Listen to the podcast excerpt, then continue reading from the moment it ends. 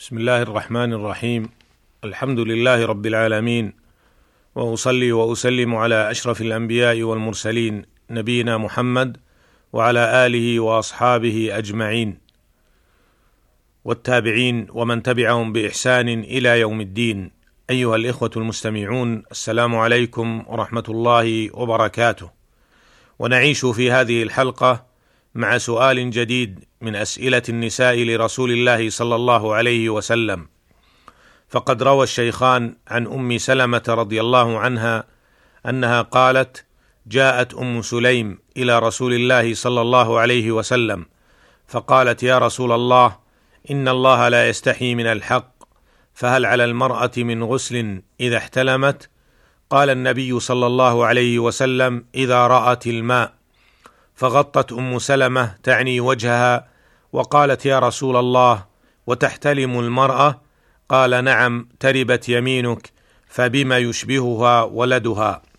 هذا الحديث أخرجه البخاري في صحيحه ومسلم في صحيحه كما أخرجه الإمام مالك في الموطأ والإمام أحمد في المسند وأخرجه أصحاب السنن كالترمذي والنسائي وغيرهم. أيها الإخوة المستمعون في هذا الحديث جاء قوله جاءت أم سليم بضم السين وهي أم سليم بنت ملحان أم أنس بن مالك بن النضر رضي الله عنه فقال قتل مالك زوجها مشركا فأسلمت هي بعده ثم خطبها أبو طلحة فاشترطت عليه الإسلام فأسلم ثم تزوجها. وجاء قوله إن الله لا يستحي من الحق.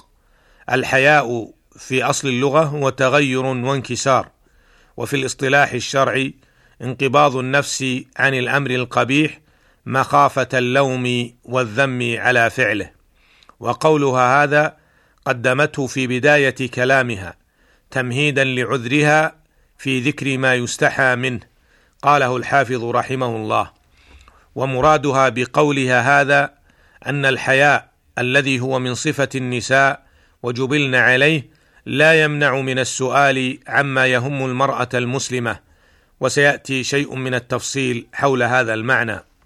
وفي هذا القول إثبات صفة الحياء لله عز وجل فيجب إثباتها كما أثبتها الله تعالى لنفسه وكما أثبتها له رسوله صلى الله عليه وسلم على الوجه اللائق به سبحانه فيوصف بالحياء الذي لا يلي الذي يليق به ولا يشابه فيه خلقه كسائر صفاته.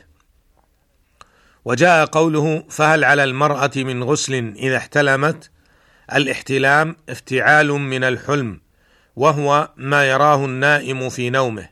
والمراد هنا أمر خاص من الأحلام وهو الجماع. قاله الحافظ رحمه الله. ويؤيد هذا رواية الإمام أحمد رحمه الله أنها قالت إذا رأت أن زوجها يجامعها في المنام أتغتسل؟ وجاء قوله أيضا إذا رأت الماء أي إذا رأت المني بعد الاستيقاظ. وجاء قوله فغطت أم سلمة يعني وجهها وفي رواية فضحكت. قال الحافظ ويجمع بينهما أنها ابتسمت تعجبا وغطت وجهها حياء. وفي رواية أنها قالت فضحت النساء والمراد بذلك أنك حكيت عنهن امرا يستحى من وصفهن به ويكتمنه. وذلك أن نزول المني منهن يدل على شدة شهوتهن للرجال قاله النووي رحمه الله. وقوله تربت يمينك قال النووي فيه خلاف كثير منتشر جدا للسلف والخلف من الطوائف كلها والأصح الأقوى الذي عليه المحققون في معناه أنها كلمة أصلها افتقرت ولكن العرب اعتادت استعمالها غير قاصدة حقيقة معناها الأصلي فيذكرون تربت يداك وقاتله الله ما أشجعه ولا أم له ولا أب له وثكلته أمه وويل أمه وما أشبه هذا من ألفاظهم يقولونها عند إنكار الشيء أو الزجر عنه أو الذم عليه أو استعظامه والحث عليه. أو الإعجاب به والله أعلم.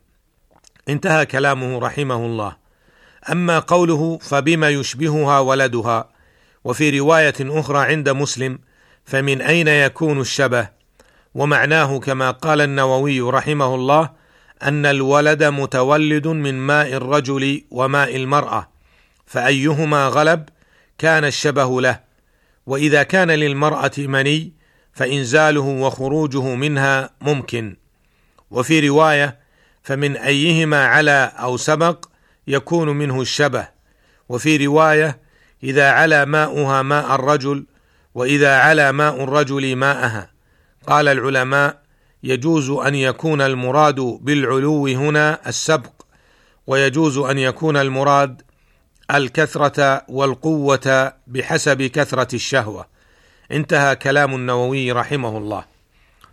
ومما يدل عليه الحديث أن خروج المني من موجبات الغسل على الرجل أو المرأة.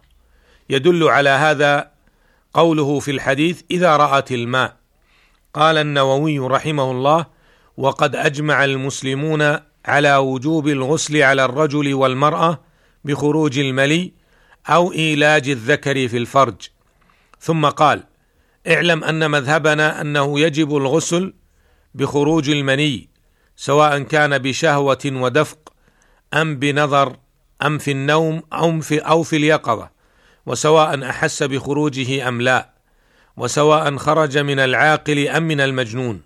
ثم إن المراد بخروج المني أن يخرج إلى الظاهر أما ما لم يخرج فلا يجب الغسل وذلك بأن يرى النائم أنه يجامع. وأنه قد أنزل ثم يستيقظ فلا يرى شيئا فلا غسل عليه بإجماع المسلمين. وكذا لو اضطرب بدنه لمبادئ خروج المني فلم يخرج. وكذا لو نزل المني إلى أصل الذكر ثم لم يخرج فلا غسل.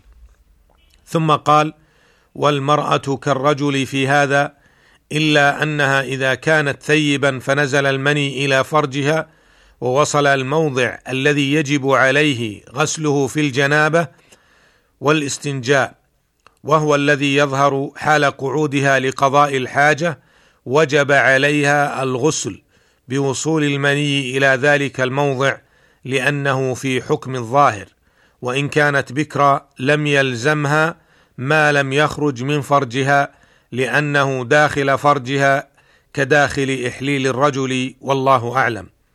انتهى كلامه رحمه الله. ومما يدل عليه الحديث أيضا أن المرأة تحتلم كالرجل بمعنى أنها ترى أن رجلا يجامعها وهي نائمة فتنزل. يدل على هذا قوله عليه الصلاة والسلام إذا رأت الماء فغطت أم سلمة تعني وجهها وقالت يا رسول الله وتحتلم المرأة؟ قال نعم تربت يمين يمينك فبما يشبهها ولدها؟